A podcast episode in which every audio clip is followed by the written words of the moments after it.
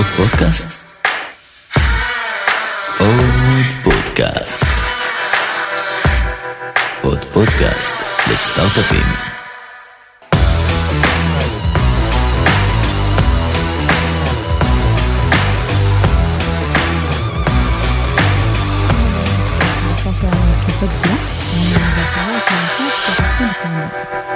בפרק היום אנחנו הולכים לעסוק בכאב שמאפיין כנראה את רובנו, והוא התמודדות עם סטרס, המחלה של המאה ה-21.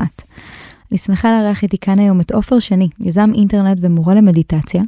אני אישית מכירה את עופר אה, לא מעט זמן ומתרגלת אצלו אחת לשבוע כבר קרוב לשנה, ואני חייבת לומר שברמה האישית זה פתח לי צוהר ככה לדרך אחרת אה, להתמודד עם המתחים היומיומיים שהם משתלטים עלינו די בקלות. ומכאן עלתה גם המחשבה באמת לעשות פרק שהוא קצת שונה מהרגיל. אז היום אנחנו נדבר אה, על הסטרס הזה שאנחנו מרגישים, על מאיפה הוא נובע, על איזה דרכי התמודדות אנחנו יכולים לסגל לעצמנו מעולמות המדיטציה והמיינדפולנס, ונדבר גם קצת על מה סטארט-אפים או חברות יכולים לעשות אה, כדי לעזור לעובדים שלהם להירגע ולהיות יותר פרודוקטיביים.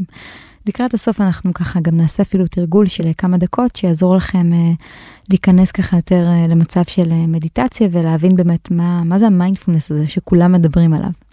אז עופר, לפני שנתחיל, כיף שאתה פה. כיף להיות. תספר לנו ככה על עצמך בכמה מילים. אני באמת, אה, קשה לי תמיד אה, לספר את הסיפור של עצמי גם לעצמי, כי לעין בלתי מזוינת הוא נראה מוזר. אני בן, כן. אז אני בן 44, בזוגיות, עם שני ילדים ועוד אחד בדרך, ולא יודע, למדתי משפטים ומימון, כי אבא שלי עורך דין, ואז אה, בשנה השנייה ללימודים התחלתי לעבוד בחברת אינטרנט בישראל, אחת הראשונות שנקראה נטקינג, והייתי עורך, עורך ראשי של האתר, זה היה מעין מגזין, ואז אחרי שנה עברתי לוואלה, וזו הייתה תקופה נורא שמחה של האינטרנט, אה, לפני ההנפקה של וואלה, ומצאתי את עצמי בגיל 26, מנהל בערך 100 אנשים, מחלקת תוכן, ובונים דסק חדשות, ועושים הסכמים עם אקו"ם, ונוסעים ללוס אנג'לס להביא תכנים של וידאו. ותקופה סוערת וכיפית. ואחרי כמה שנים הקמתי את אנרג'י של מעריב ועוד כל מיני דברים בישראל, ואחר כך עבדתי בניו יורק, ויוסי ורדי אה, עזר לי למצוא עבודה מדהימה שם, וגרתי שם, ואז חזרתי לארץ, והקמתי אינקובטור, בזמנו היו מקימים, עם אביב גלעדי ואודי רקנטי, אה, ל-early stage startups. לאורך השנים זה קצת השתנה, ועבדתי, ניהלתי את השקעות האינטרנט ב family office של אודי רקנטי. אז במסגרת הזו הכרתי הרבה יזמים וישבתי בדירקטוריונים ועדיין אני עושה את זה. הכל במקביל אצלי ובמקביל הקמתי עם שתי חברות את מרמלדה מרקט בישראל אה, שזה ה Etsy הישראלי וזה הולך מצוין עד היום. ואני מלמד product במרכז הבינתחומי 12 שנה product management ו-UX בבית ספר ליזמות ומנהל עסקים ותקשורת. אה, וזהו, ואם תשאלי אותי מה אני עושה, אני אגיד לך אין לי מושג. או הכל, הכל מהכל. לא יודע, אני התחלתי בתוכן, פתאום ראיתי שאני מצייר מסכים, ואז גיליתי שיש מקצוע כזה שנקרא product. וזהו, והיום אני במקביל לפעילות בתחום הזה, מורה למדיטציה בכל מיני מסגרות, גם בחברות אינטרנט. מתי גילית את העולם הזה? האמת, בגיל אה, צעיר, בגיל 26, היה לי התקף חרדה שהייתי בוואלה, שזה סוף העולם, למי שחווה את זה, יש כל מיני לבלים, אבל אני באמת בלילה התעוררתי אה, ולא יכולתי לנשום. אז הלכתי לרופאה וסיפרתי לה מה היה, והיא אומרת לי, זה נורא ברור, זה אנזייטי, זה מוכר, אין שום בעיה, בוא שיהיה לך את הכדורים האלה בכיס, ואם תצטרך אתה יכול לקחת וזה יעבור. זה כמו אקמול לנושא הזה, היא אמרה. אז זה מאוד הרגיע אותי שיש לי את הכדורים, וניסיתי גם פעם אחת, וזה באמת משפיע מיד. אז אימא שלי מתקשרת אליי ואומרת, הרופאה דיברה איתי ואמרה לי שהיית אצלה. אז א', מה היא מגלה? באתי הביתה להורים שלי בהרצליה, ואימא שלי אמרה, תשמע, זה היה לי גם בגיל הזה, וסבתא לימדה אותי את המנטרה שלה ולעשות מדיטציה. אז אימא שלי, מצאתי את עצמי לומד מאימא שלי מדיטציה טרנסצדנטלית. זה פעם ראשונה שהיא בעצם מדברת על זה. כן. סבתא שלי הייתה במפלגת חוק הטבע ופגשה את המערישי והייתה בהודו בשנות ה-70 והייתה טבעונית באמת.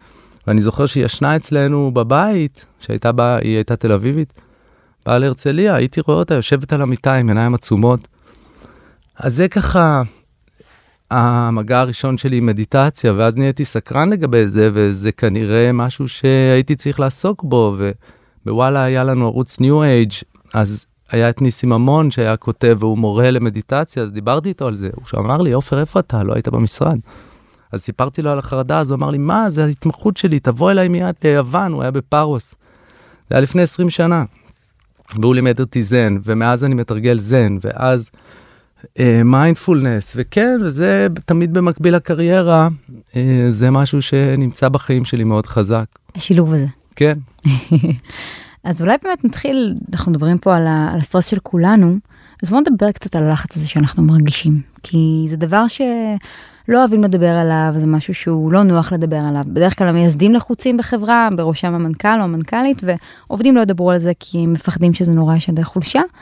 ונוצר פה איזה מין בעיה ש... שהיא חלק מהחיים של כולנו ואנחנו לא מדברים עליה עם אף אחד. אז בואו נדבר קצת באמת על כמה זה נפוץ ואיפה זה באמת בא לידי ביטוי. לגמרי, אז זה באמת משהו שלא מדברים עליו מכל מיני סיבות ברורות, בטח שלא במסגרות האלה שאנחנו צריכים להצטיין בהן. מבחינת שכיחות, זה קיים אצל כולם, בכל הלבלים ובכל התפקידים ובכל הגילאים. ונתונים ככה קצת מאמריקה, באמת אה, הלחץ בעבודה הוא המקור מספר אחד לסטרס שאנשים מרגישים. לאחרונה זה קצת השתנה ובאמת אנשים מרגישים לחץ גם מהמצב הפוליטי ומעתיד המדינה, כל מדינה שהם חיים בה, וזה במידה רבה בגלל דעת קהל ומה שפייסבוק ויוטיוב משדרים לנו. אבל זה נושא לפרק אחר. לגמרי. פודקאסט אחר. כן. אז 77% מהאוכלוסייה בארצות הברית מדווחים על זה שהם חווים סימפטומים פיזיולוגיים של סטרס, שרירים תפוסים, כאבי ראש, חרדה, קשיי נשימה, בעיות לב, דיכאון, בעיות שינה, לחץ דם, מיליון דברים. זה באמת across the board, וכולם uh, מסתירים את זה. עכשיו, זה לא רק סטרס, האמת זה לעשות שלום עם מה שיש לנו בפנים. יש לנו מחשבות ויש לנו רגשות שאין לנו שליטה עליהם. אין לנו שליטה לא על המחשבות ולא על הרגשות שלנו, זה קצת שערורייה. אנחנו חושבים שיש לנו שליטה על החיים שלנו, אבל באמת השליטה שלנו היא מינימלית. אה, אנחנו יכולים להחליט מה נאכל, אנחנו יכולים להחליט לאן נלך או מה נעשה, אבל מה נרגיש, אנחנו לא יכולים להחליט, ומה נחשוב אנחנו לא יכולים להחליט. והמפגש הזה עם החוסר שליטה פוגש אותנו ומייצר המון המון סטרס. יש לי כל מיני חברים מנכ"לים שאני תמיד מדבר איתם על זה, אה, בגלל שאני מלמד מדיטציה בחברות, מה מצב העובדים שלהם, ויש כאלה שחושבים שאף אחד לא stressful, נורא נוח אצלנו, התנאים נורא טובים, אף אחד לא עובד קשה, ואם כבר מישהו לחוץ זה המנכ"ל, אולי ההנהלה שיש לה יעדים, אבל בוא, כולם עושים חיים אצלנו בחברה, חברות כאלה. אני מדבר על חברות, נגיד, אה, בין 200 ל-4,000 עובדים. כל מיני חברים כאלה יש לי, ו... מה שאני גיליתי, אז אני תמיד אומר להם, אהה, אהה, כאילו מסכים. ומה שגיליתי לגבי עצמי, שאני לחוץ דווקא במצבים שאני לא עובד בהם קשה. כאילו בתקופות מלפפונים האלה, או שאין פרויקט, או שאתה לא מרגיש שאתה מייצר, אתה אפילו יותר stressful. אז uh, האמירה הזו שלהם, שאנשים לא עובדים בלחץ וזה, ממנה לא נובע שאין סטרס. זה לפחות מה שאני מרגיש לגבי עצמי. זה גם נורא, אתה יודע, קשה לנו לקבל את זה שהחיים זה עלייה וירידה. ואם לא ננוח ב- בירידה, אז אנחנו, לא היה לנו מספיק כוח לעשות את העלייה הזאת. לגמרי. אה, ואז יש גם נטישה מאוד גדולה של אנשים. לגמרי, זה, זה כאילו, את יודעת מה? זה stress management. אנחנו צריכים to manage it, כמו שכל דבר אנחנו צריכים to manage, וה management עוסק בלעשות שלום עם מה שעובר עלינו מבפנים. כאילו, אנחנו לא חייבים להראות את זה החוצה, ואנחנו יכולים להמשיך להיראות מתוקתקים ולהתנהג מתוקתקים, אבל עם עצמנו לעשות שלום עם העליות והירידות האלה. זה גם חשוב להגיד שזה גם באמת, אנחנו מדברים הרבה על עבודה, אבל זה לא רק עבודה, זה הרבה פעמים האישי שמשפיע עליו, זה מין cycle כזה. לגמרי, זה לא משנה מה מקור הסטרס, אנחנו בעבודה 8-9 שעות ביום, אז יכול להיות שהסטרס מגיע מהילדים, יכול להיות שהסטרס מגיע מכסף, יכול להיות שהוא מגיע מבריאות, יכול להיות שהוא מגיע ממשפחה, מההורים, אבל הוא בא איתנו, לשמונה תשע שעות uh, שאנחנו נמצאים במשרד, אז אנחנו צריכים to manage it uh, regardless. אתה חושב שהיום החיים קצת יותר uh, לחוצים מפעם?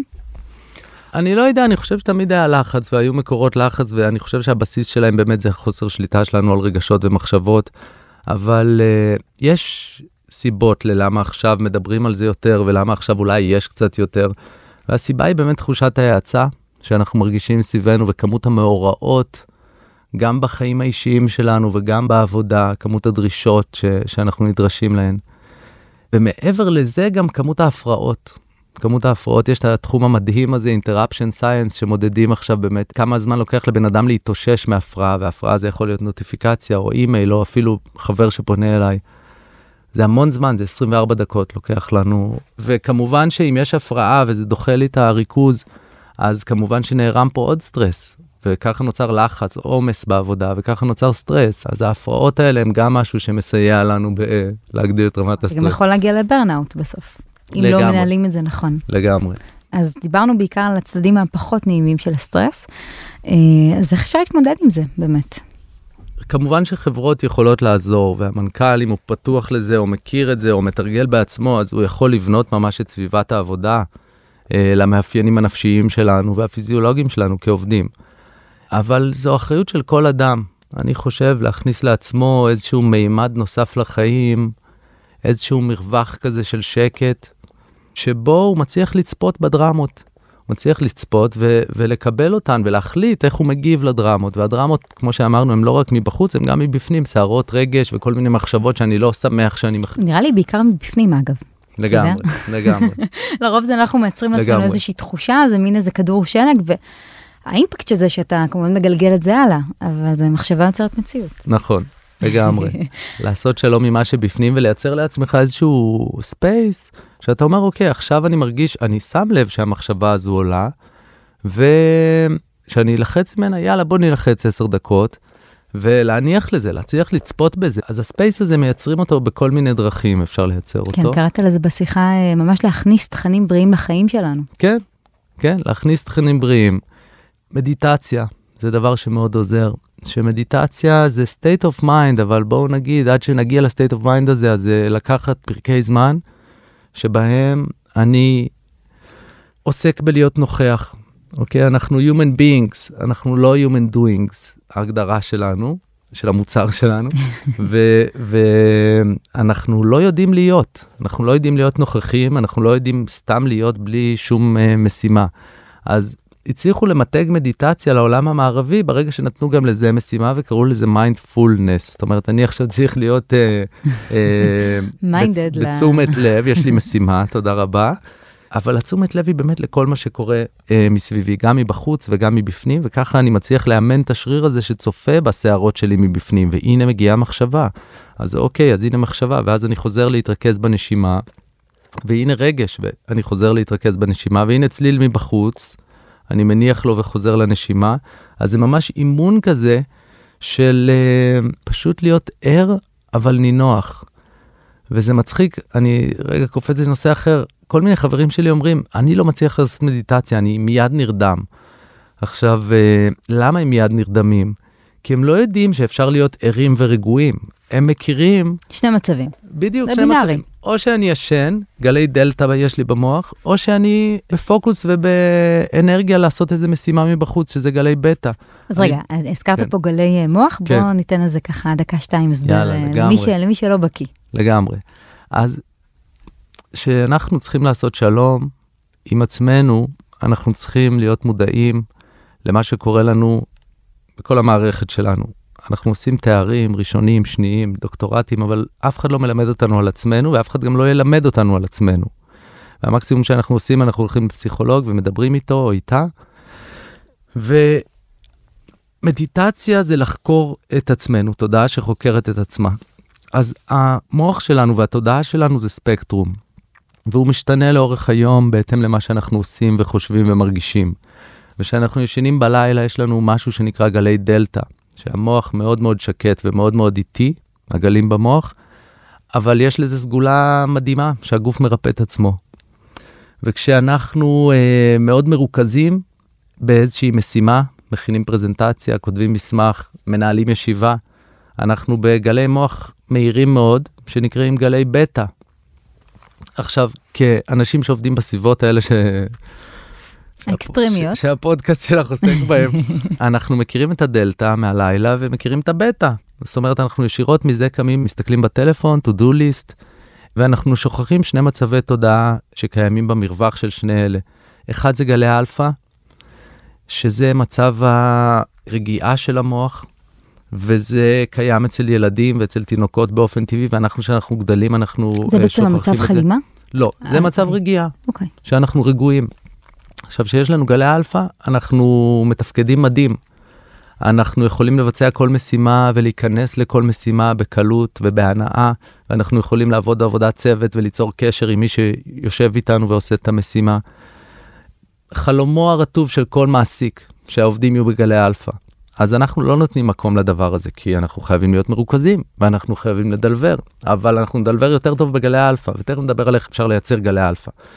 חוץ מזה, יש עוד איזה מצב תודעה, שבאופן מפתיע, כל ההמצאות הכי גדולות בהיסטוריה קרו בזמן שאנשים היו במצב הזה. זה גלי תטא, זה הגלים שבין שינה לערות, חלימה. חלימה בהקיץ. כן, או חלימה בהקיץ או חלימה בלילה גם, זה, זה אותם גלים. R.E.M. אלברט איינשטיין, רוב הקריירה שלו, בגלי תטא, תורת היחסות מחלימה בהקיץ. פול מקארטני כותב את Yesterday ושנתיים אין לחן, והלחן מגיע לו בחלום.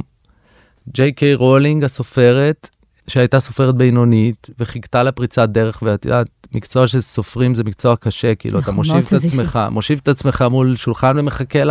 נביאה. לפירות, בדיוק. שהיא בעטה בחלון של הרכבת, מהחלון של הרכבת אה, הגיעה אליה העלילה של הארי פוטר וכל הדמויות ו- וכולי, ויש אין סוף דוגמאות, הטבלה המחזורית, מצבים של חלימה. אז אה, גם לזה אנחנו לא נותנים מקום. אז התודעה שלנו היא ספקטרום, ואנחנו יכולים אה, ליהנות מהספקטרום הזה, ולהכניס את עצמנו למצבים האלה, ולעשות עצירות במהלך היום לבעייה. אז מה אפשר לעשות? לתת מקום ולאמן את המוח שלנו למצבי המוח האלה, למצבי התודעה האלה של אלפא ושל תטא. גם נתת דוגמה אז מעניין, שדיברנו שהרבה פעמים יש ישיבות של אה, שעות, ולא יוצא מהם כלום. כן, ואז מישהו יוצא רגע לשירותים, כן, ואז הוא חוזר עם הפתרון. כן, שזה, את יודעת, כל אחד יכול להזדהות עם סיטואציה כזאת נראה לי. לגמרי. ואני מקפיד לצאת לשירותים בישיבות, וגם אני מקפיד על ישיבות קצרות. כולם בגלי בטא.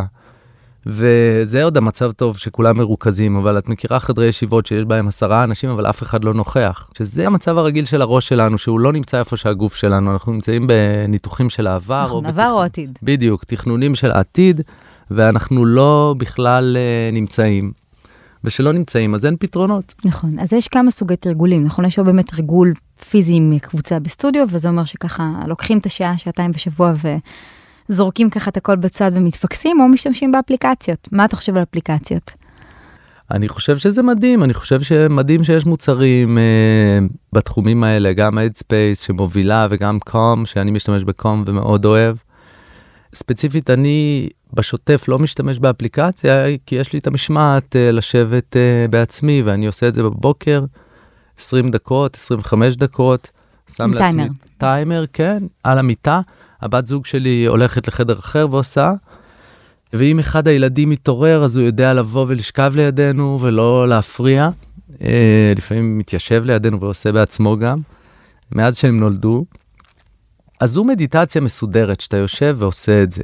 אבל אפשר לעשות גם דברים פחות מסודרים, ולראות כל התרחשות בחיים כהזדמנות למדיטציה. אני- לדוגמה. לדוגמה, נהוג לחשוב שזה לא כיף לקחת את הילדים לגן ולבית ספר, זה אחלה הזדמנות, זה אחלה הזדמנות לא להסתכל בטלפון ולהיות, לתרגל את הנוכחות ביחד איתם ולהתעניין בסקרנות במה עובר עליהם ובמה הולך לעבור עליהם, במה הם חושבים על מה שהם רואים בדרך, וזו ממש מדיטציה בשבילי לקחת את הילדים לגן. ולבית ספר. ועוד שיטה שלי שאני משתמש בה זה באמת שאני הולך לעשות פיפי, אז אני מקפיד, אני לא יודע אם זה לגיטימי לומר את זה בפודקאסט. מקפיד לעשות אותו בישיבה ולהישאר חמש דקות בשירותים ולבהות בקיר שממול. והדבר הזה הוא גלי תטא, זו ממש עצירה. אז זה בבית, דברים שאני עושה, ובעבודה להכניס עצירות, להכניס עצירות ליום-יום, להכניס ריטואל בוקר לפני העבודה, לשטוף כלים באיטיות, עם תשומת לב לסרוויס. אה, או כמו לאכול כמו, אתה יודע, כמו כן. קצת אייל שני, איך שהוא רואה אוכל ו... אייל שאני, 90% מהבישול שלו זה הסידור של המצרכים והעיסוק בהם, והאופן של השטיפה של העגבניות. ו... והקילוף שלהן, שיש שלם. כן, וברגע הזה אתה לא צריך שום דבר חוץ ממלח ושמן זית, כי זה הולך לצאת אלוהי האוכל הזה, וברגע הזה אתה גם מבין שאתה לא צריך לחתוך את הכרובית ואתה תכניס אותה שלמה לתנור והיא תצא ככה. אין סוף טכניקות, אני אתן עוד טכניקה אחת נגיד לנוכחות ברגע ההווה, שאני תמיד אומר לתלמידים, אתה חולף על פני מישהו ברחוב, הראש שלך בדרך כלל בעבר או בעתיד, תביט לו בעיניים. לשלוש שניות האלה שאתה חולף על פניו, כמובן לא עם קורקינט או אופניים חשמליים, להסתכל בעיניים, לנסות ככה בסקרנות להבין מה עובר עליו, וזה קרקוע ברגע ההווה, וזה תרגול. והמוח שלנו זה יצור שאפשר לאמן. היום מכירים את הנושא הזה של brain plasticity, ועוד uh, אדם, ועוד מבט בעיניים, ועוד מבט בעיניים, ועוד מדיטציה, ועוד שטיפת כלים, ועוד פיפי ארוך, והמוח שלנו... לומד uh, להתנתק? לומד להיות כלי עבודה בשבילנו, ולא כאוס. ואתה לומד ליהנות מהעליות והירידות האלה, ואתה לומד להביט בהן. אז זו ממש כאילו יכולת שעוזרת לביצועים. אני לא אשכח שטסתי עם הבן זוג שלי ליפן לפני כמה חודשים, ועשינו שם איזה סדנה, אתה יודע, סדנה למערבים של שעתיים וחצי. של מה, של מדיטציה? כן, כן, של מדיטציה ומיינדפולנס, וזה היה באמת חוויה יופי. מדהימה, ואני זוכרת שעשינו כמה תרגולים כאלה, הוא חילק את זה ל-20 דקות כל פעם, והבן זוג שלי היה נורא קל להיכנס לזה, כאילו תוך שנייה, מה שנקרא, אה, שקע לתוך עצמו והוא בחיים לא עושה מדיטציה, ואני, איך שהוא אמר שעברו 20 דקות, אני כזה, רגע, אבל רק התחלתי. כאילו רק, רק אז אולי המחשבות ככה, איך אפשר להילחם בתחושה הזאת שהמחשבות פשוט מגיעות לך מכל צורה, אתה לא יכול לשלוט בזה, זה... אני לא חושב שמלחמה זה יהיה הפתרון. אנחנו צריכים לקבל. לקבל, והן מגיעות ואין לנו שליטה עליהן, וגם אין מידע מאיפה הן מגיעות. אנחנו לא יודעים כמעט כלום על המציאות הזו, זה נורא מעליב להודות בזה. המדע באמת מאחורה. אז כן, אז רק לקבל. ולדמיין, אה, היה איזה טיפ שנתת באחד התרגולים באמת, אני חושבת שאנחנו שמים את המחשבה שנייה על ענן, כן. או על, אני מדמיינת את זה תמיד כן. כמו סירות, סירות מנייר כאלה. מצוין. ששתות. בדיוק. ו- וזה בסדר, היא שם. היא, היא באה והיא חולפת. היא באה והיא חולפת. נכון, אין לנו שליטה על עננים ואין לנו שליטה על מחשבות, מגיעה מחשבה, או שלום, והיא תחלוף כמו ענן, אני מדמה אותה לענן ואני חוזר להתרכז אה, בנשימה שלי. רציתי לומר בהקשר של uh, מה שאמרת על הרעיונות שמגיעים בזמן שאתה יושב, ואז אולי אתה מרגיש לא בסדר עם זה שרגע, זה אמור להיות מדיטציה. אז לא, זה לעשות שלום עם הסייקלים האלה שעוברים עלינו, ואם מגיעות לנו תשובות ופתרונות, הם מגיעים בגלל ש- we let go. אנחנו משחררים את האחיזה, את האג'נדה שלנו, ואנחנו פשוט פורחים. ואז לגמרי, גם אני פותח את הטלפון ושם uh, בנוטס את הרעיון, או שולח לעצמי מייל עם הרעיון, ולגמרי, לזה זה נועד. לקבל את זה. די, זה כלי עבודה, את יודעת, הגוף והנפש שלנו, זה אנחנו, וכל פרי שהם נותנים לנו, בואי נהנה ממנו. לגמרי, גם אני חושבת שאולי הערה נכונה, תכף נדבר גם, ניתן איזה דוגמה לריטואל, אחד או שניים. אבל זה כן חשוב הריטואל הזה, נכון? זאת אומרת, זה כמו שאתה מאמן את הגוף שלך ואתה בונה כושר, אז ככה גם חשוב לאמן את ה mind, גם, גם המוח שלנו הוא סוג של, צריך להתייחס לזה כמו שריר. לגמרי. ובאמת להקפיד, כי מדיטציה ספורדית, לי לפחות, והייתי עושה את זה, זה לא באמת עזר עד שהכנסתי את זה לאיזה מין רוטינת בוקר כזאת. לגמרי. אז איך, איך הריטואל בוקר שלך נראה? אתה קם בבוקר, שש אמרנו, אה, יש לי ככה 20 דקות לעצמך, עושה את המדיטציה ואחרי זה. כן, אז זה תמיד בשש, ואז איזה 25 דקות, ואז אה, ילדים, קודם כל, אבל לפני, גם הילדים אני יוצא לצמחים. אה, בודק מה העניינים. זה גם סוג של ילדים, כן. כן, איך הם עברו את הלילה, ועכשיו כאילו הלילות קשים, הם קרים, ואם צריך להשקות, ובמקביל היא מכינה קפה לשנינו, ועיתון כלכליסט, מכניס אותו. עכשיו, כל הדברים האלה זה, זה טקס, זה קדוש, וזה תענוג, ואני... וזה עוד לא פתחתי את ה-to-do list, ואני עוד לא יודע מה הולך להיות ביום הזה, ואז הילדים לאט לאט, ואז אני מבלה איתם. כל המשימות של הבוקר. אה, לוקח אותם לגן ולבית ספר והולך לשחות. שחייה, אה, חמש, אני מנסה להוריד לחמש פעמים בשבוע. אה, שזה גם מדיטציה. בין שבע לחמש, כן. חשוב להגיד שגם כן. ריצה ושחייה ו... לגמרי. זה פעולות מדיטטיביות. לגמרי, מה שכן צריך להיזהר, לא להפוך למשימה. כי הרבה פעמים אנחנו הופכים את זה למשימה, את כל הדברים האלה, ואז זה גלי בטא בראש. נכון, אתה הופך אוקיי? להיות קורבן של הריטואל בעצם. בדיוק, ואז זה לא הגלי מוח שאנחנו רוצים לאמן, אנחנו רוצים להתאמן במנוחה. בגלי אלפא או בחלימה, גלי תטא. גם בשחייה, לגוון, להפתיע את עצמך, היום בלי סנפירים, היום זה, היום אני אהיה במסלול הזה, רגע, היום בכלל לא בא לי, בעצם בוא נלך לים. ואפשר להספיק את הכל לפני 10 בבוקר, ואפשר להגיע לעבודה ב-10 בבוקר, זה בסדר גמור, ב-9 וחצי. אני גם, אגב, יש לי יומן כזה שאני מנהלת כל בוקר. כן, תחילת כותבת? הבוקר, ב, כן, אחרי המדיטציה, קצת בהודיה של כמה דקות. איזה על דברים יופי. שאני מודה עליהם, והדברים יופי. שאני רוצה להקפיד עם עצמי, כמו אפילו ללכת עם אה, גב זקוף, כי יש לי גב באמת, ש- מזל שאנחנו מושק- מושקעים ב-Upright, לא שזה פרסומת ל-Upright, אבל המצב, אה, המצב אה, לא הכי טוב. מזכירה לי אז, שאני אה, כפוף גם. לגמרי, אני, אני, אני, זה נורא. בסדר, זה עבודה, זה work in progress. ואני חייבת להגיד שיש הבדל של שמיים וארץ זה בוקר שעשיתי בו מדיטציה ואת התרגול הזה של הכתיבה קצת. אפילו מה המשימות הכי חשובות שלי היום. אנחנו רוצים לשלוט בזמן של עצמנו, הרבה פעמים אנחנו גם נשלטים. אנחנו תגובתיים הרבה פעמים. לגמרי. אז כן להגיד לעצמי, אוקיי, מה השתי משימות שאני לא יכולה לסיים את היום הזה בלי, בלי לסיים אותן. ואז אם קורית איזה דרמה, אז אני מסתכלת על זה כמו איזה לוויין. כן, אה, מלמעלה והרבה יותר קל לי לנהל סיטואציות מאשר אני לא מושלם. עושה את זה והכל נראה לך אוקיי מה עכשיו אה, הדרמה מתחילה. לגמרי. כל הכבוד על גם הטקסטים של ההכרת תודה שאת כותבת. זה אני צריכה להגיד תודה לתום ברב וליואב דגני שהם חברים יקרים וזה הרבה בזכותם. מדהים. אה, וגם זה זמן אולי טוב להמיץ על הפודקאסט של תומי על סופר טולס כי הוא הרבה מאוד אה, מדבר באמת על ה...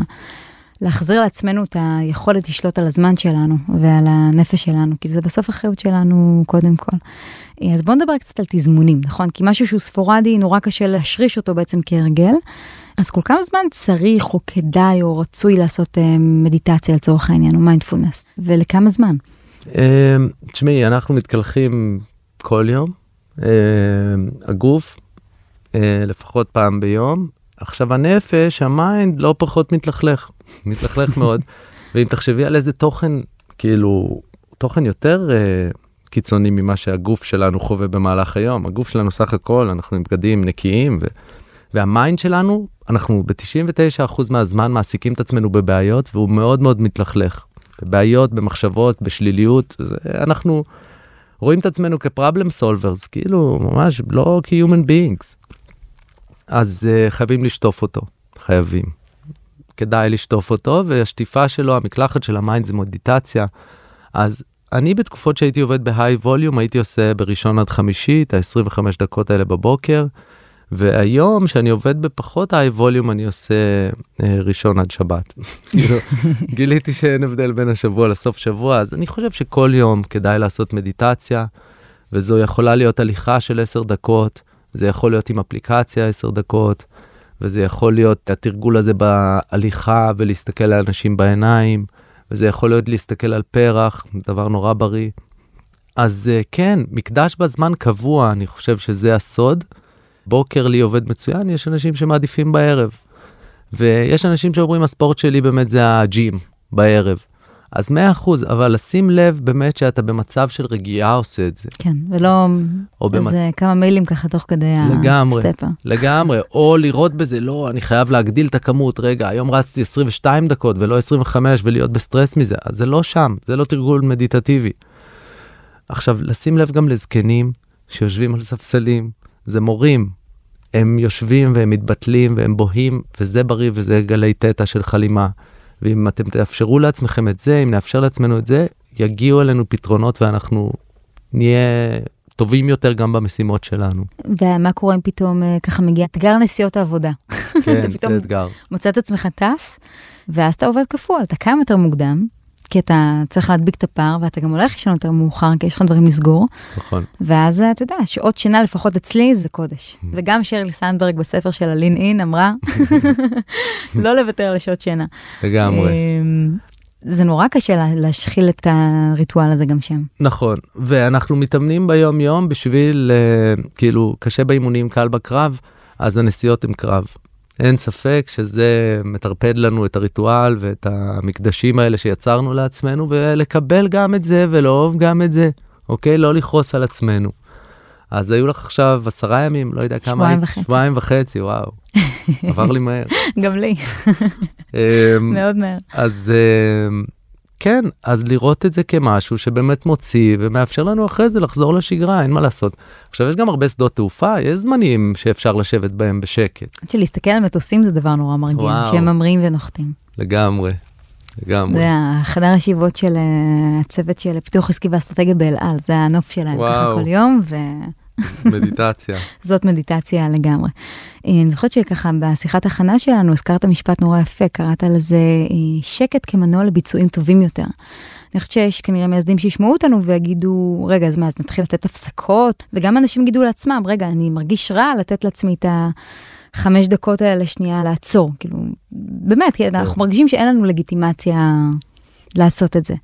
אז אולי כן כדאי קצת להגיד כמה מילים על זה שבאמת לייצר סביבת עבודה מאפשרת, היא משתלמת בטווח הרחוק. כן. אז לגמרי, כאילו אנחנו עוסקים פה באמת באימון שלנו אה, להיות אנשים יותר חזקים בסופו של דבר לימים קשים או לרגעים קשים. אבל בשביל זה באמת צריך להכיר את מי אנחנו, אפילו ברמה הפיזיולוגית, יש לנו סייקלים פיזיולוגיים של נגיד פעילות מול מנוחה, שאנחנו צריכים לאפשר אותם ולהיות ערים להם. מנכ"לים צריכים להיות מודעים לזה שהם מתכננים את יום העבודה, את סביבת העבודה. אני, יש סייקל של 90 דקות של פעילות ואז 20 דקות של מנוחה. זאת אומרת, אחרי 45 דקות אני בשיא הפוקוס שלי ואז זה מתחיל לדעוך.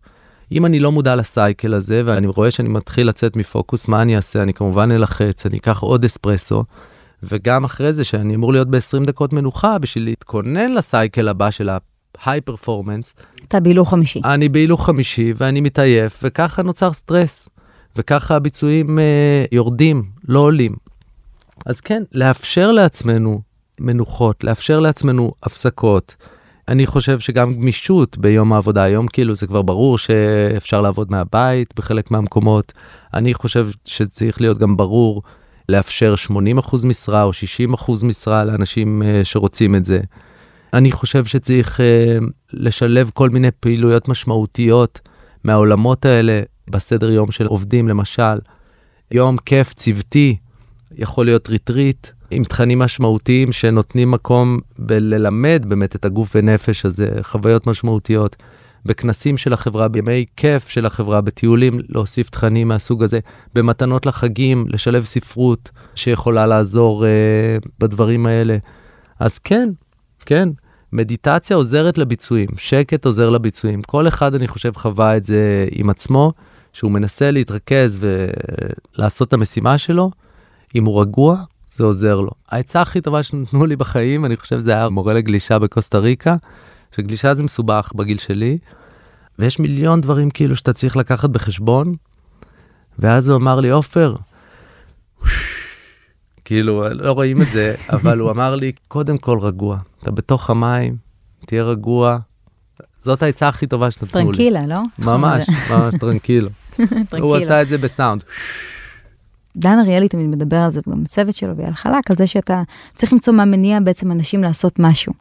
מה ממה שאתה ראית עד היום עזר יותר לחברות? זאת אומרת, זה לבוא ולהגיד, בוא ניתן איזה סוג של איזה קורס, או בוא ננסה תרגול שבועי בחברה, או מה קצת עבד יותר טוב? כן, אני חושב שלהציע קורס זה הדבר הנכון. אמ, של ארבעה, שלושה שניסינו- מפגשים? כן, ספציפית אני מעביר קורס של ארבעה מפגשים שמלמד כמה סוגים של מדיטציה ובאופן וולנטרי אפשר להציע לעובדים אה, להצטרף לדבר הזה, שהצענו תרגול קבוע פעם בשבוע, אז בסוף אתה מקבל את המשוכנעים, את האנשים שמתרגלים גם ככה בבית והם ישמחו עוד לתרגל בעוד מסגרת עם עוד אנשים, זה נקרא סנגה, שזה טוב ויפה, אבל ככה לא מצילים את כולם. אז באמת להציע משהו שיש לו נקודת סיום ברורה, אני חושב שזה מקל מאוד על האופט-אין. אז כן, קורס מדיטציה, וחוץ מזה, באמת לאפשר, לתת מקום ללהבין שאנחנו יצורים מורכבים, ולהבין שאנשים יכולים לעשות דברים בקצב שלהם, ולתמוך באנשים ולעודד אותם שהם מסוגלים לעשות את מה שכן, ואנחנו כולנו מסתירים את הסטרס שלנו. אז לדעת שכולם אותו דבר, לא, זה לא רק המנכ"ל לחוץ, זה כולם לחוצים. גם אם הם נראים מדהים, אז אם אני ככה מסכם את זה, בסוף האחריות הבאמת גדולה היא לאינדיבידואל, לקחת ולתחזק את ה... כי זה באמת תחזוק לגמרי. של הנפש ושל ה-mind, ואם יש משהו שהחברה יכולה לעשות, היא לאפשר, בעצם לייצר סביבה שהיא יותר מאפשרת, בין אם דרך קורס או בין אפילו אם עובד שנייה לעודד אותה, אתה יודע, לעודד עובדים אפילו לצאת שנייה, אה, לעשות סיבוב שנייה מחוץ לבניין ולחזור. לגמרי. ולא לעקם את הפרצוף או להגיד, אה, אתה יודע, לתת תחושה של אה, אבל אף אחד לא עובד. כי שוב, אין לנו, אנחנו לא נותנים לגיטימציה לעצמנו, אז אם נרגיש את זה מהסביבה, זה הרבה פעמים דוגמה אישית. אני חייבת גם לשאול אותך, אנחנו ממש עוד מעט מסיימים. אתה מגיע בעצם מהעולמות של יזמות וניהול ועיצוב מוצר, וככה באמצע החיים עשית סוג של איזה... יש אנשים שיגדירו את זה כפיבוט, לדעתי פשוט השלמת את עצמך, אבל סוג של איזה פיבוט לעולם מדיטציה והמיינדפולנס, ולי זה מרגיש שוב כמו שני תחומים משלימים, אבל איפה אתה רואה אותם ככה, שאנשים שואלים ואיך הם עוזרים לך להיות יותר אה, פורה בעשייה שלך? כן, אנשים רואים את זה כמחלה. כאילו יכולים לשאול מה לא אותי, בסדר? מה אתה מלמד יוגה בבית חנה כל מיני מרימים גבה כאילו מה קרה למה אתה סובל מהבעיה הזאת. אז אה, אני לא יודע כאילו אני יודע שאני מנסה להיות פחות storyteller לגבי למה אני עושה את הדברים שאני עושה ויותר לעבור לחוויה אני חושב שזה מה שאנחנו כולם צריכים לעשות וזה השלום לעשות עם ה-mind. הוא כל הזמן ידבר ה-mind.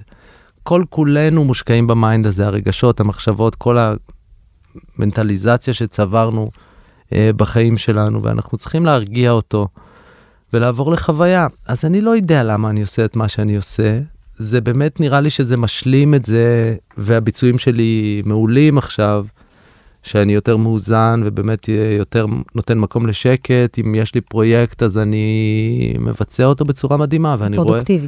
כן זה מביא לתוצאות מעולות וזה מביא לשביעות רצון גבוהה גם אצלי וגם אצל הלקוחות. ולא יודע, נהיה הרבה יותר מדויק גם הנושא של uh, עם מי אני עובד. כאילו קשה לי להצביע על משהו בחיים שלי עכשיו שהוא לא מדויק. וכל אחד יודע שבקריירה שלו יש הרבה דברים לא מדויקים בדרך כלל. מקומות עבודה שמבאסים אותך שאתה נמצא בהם כי אתה חושב שאתה צריך להיות כזה או כזה או שאתה מקנא במישהו או תפקידים ואני רוצה גם בזה להיות טוב וגם בזה להיות טוב וגם בזה להיות טוב. אז הדיוק אני חושב שמהשילוב הזה של מדיטציה בתוך הקריירה אז נוצר איזה דיוק נורא נורא גדול. כולם רוצים להיות יזמים היום. זה נורא. אה, שזה זה- מבורך ונורא בו זמנית, אבל אני חושבת שכן, שיש הרבה אנשים שאם הם היו מסתכלים קצת פנימה, זה מאמלל אנשים. נכון, זה כולם מתרוצצים כמו עכברים uh, to nowhere. נכון, אני גם, שואלים אותי, את לא רוצה להקים אה, חברה מתישהו? ואני אומרת, לא, אני, מסתכלים בצורה של, אבל למה לא? למה את חושבת שאת לא יכולה? וזה לא נובע מ, אני לא יכולה, אפשר לעשות הכל. לגמרי. אני אוהבת להיות יזמת בתוך חברה, ואם אני בחברה שמאפשרת לי להיות מי שאני ולהביא את עצמי ונותנת לי את השקט שלי ואת החופש. יצירה שלי, זה מושלם, לא כל אחד בנו להקים חברה, או לפחות לא בטווח זמן שכרגע נראה לי. ואולי תשתני גם, אה, נכון. את לא צריכה להצהיר על שום. דבר, נכון? אבל לראות את זה כדבר שהוא לא נכון, זה מה שמדהים אותי, בסוף.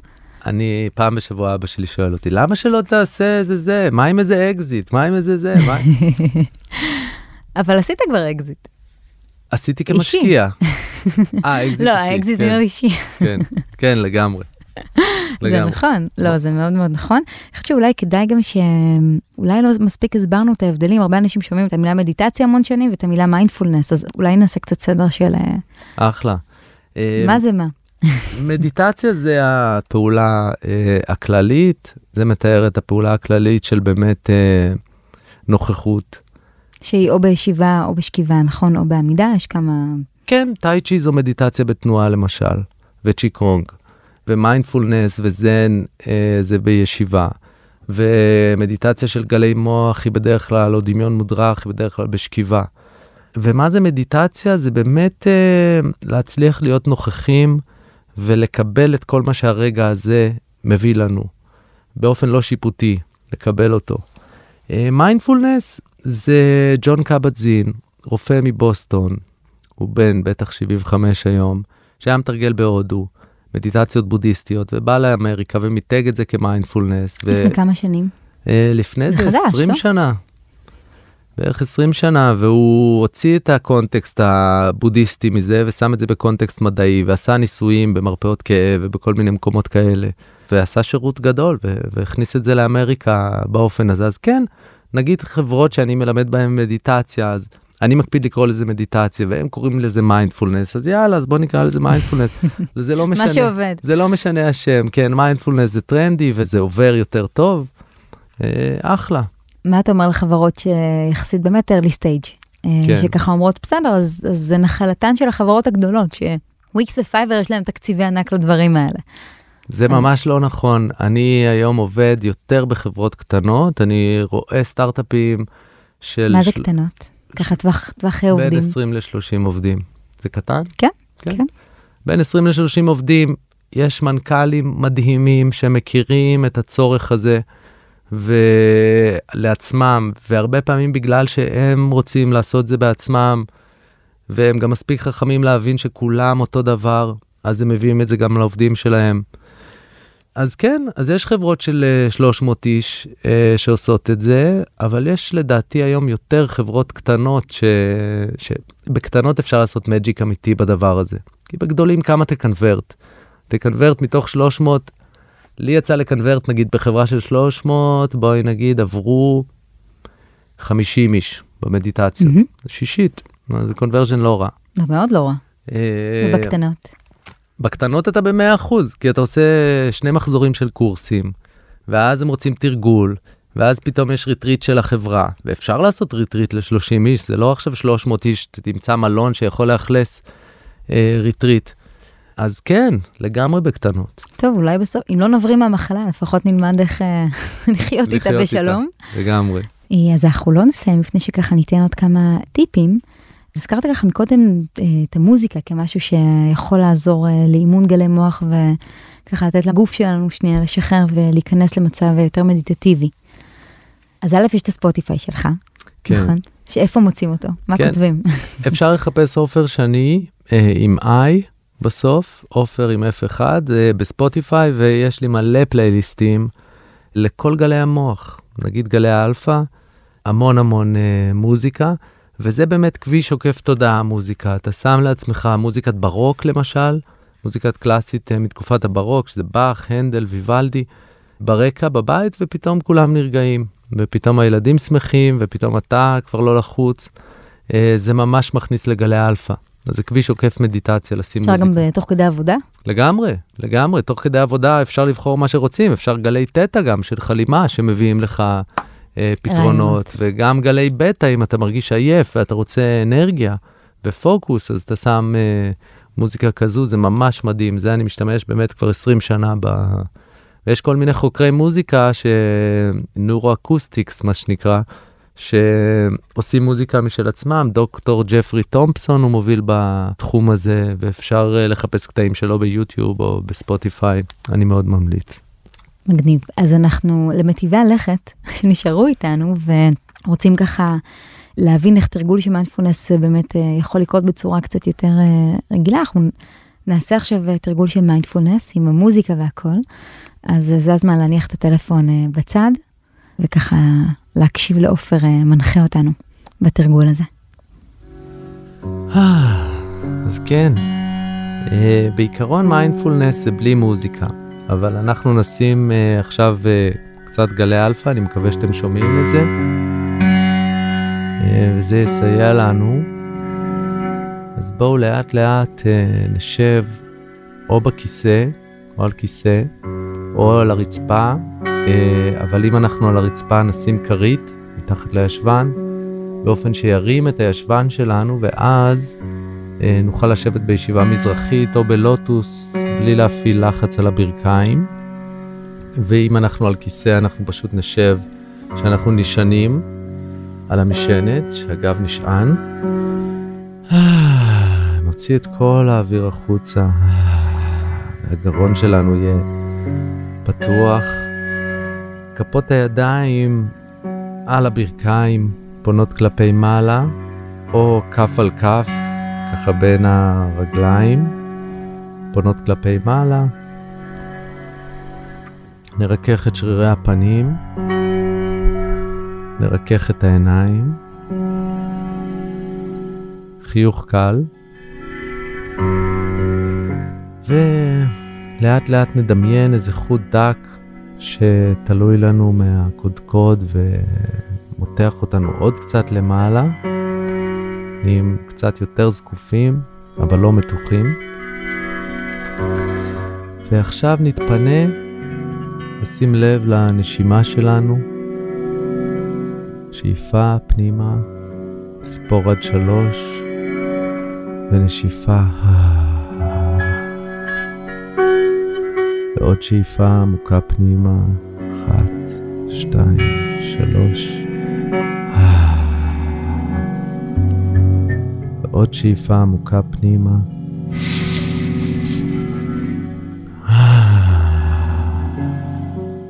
שלושת הנשימות האלה יכולות להספיק, אבל בואו נמשיך קצת לתוך סשן קצר של מיינדפולנס. אז מיינדפולנס זה תשומת לב לכל מה שקורה עכשיו, בחוץ ובפנים, באופן לא שיפוטי. אז בחוץ יש כל מיני צלילים, אנחנו רק נציין. שמענו איזה צליל, צליל, ונחזור להתמקד בנשימה שלנו.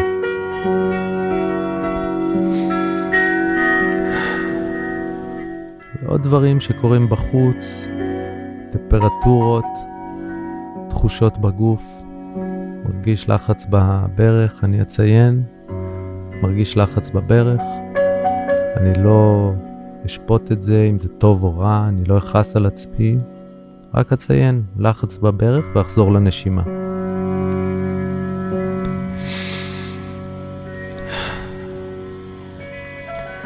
ובמיינדפולנס אנחנו שמים לב גם למה שקורה לנו בפנים, מחשבות, רגשות, אין לנו שליטה לא על אלה ולא על אלה. אז כשתצוץ מחשבה, נשתדל לשים לב אליה ונציין, או הנה מחשבה, נדמה אותה לענן שעף בשמיים, אין לנו שליטה על עננים וגם לא על מחשבות, ונאפשר למחשבה לחלוף ונחזור לנשימה. אותו דבר לגבי רגשות, מרגיש שעמום, אני אציין, שעמם לי קצת, נחזור לנשימה.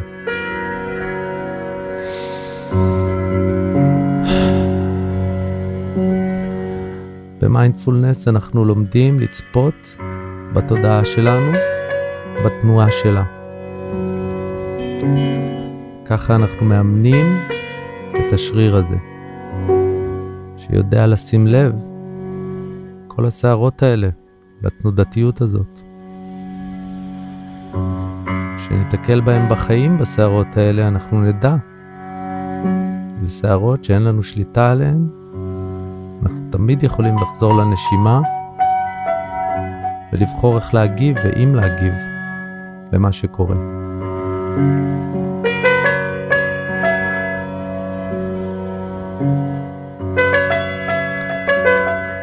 גם חמש דקות כאלה ביום עושות פלאים.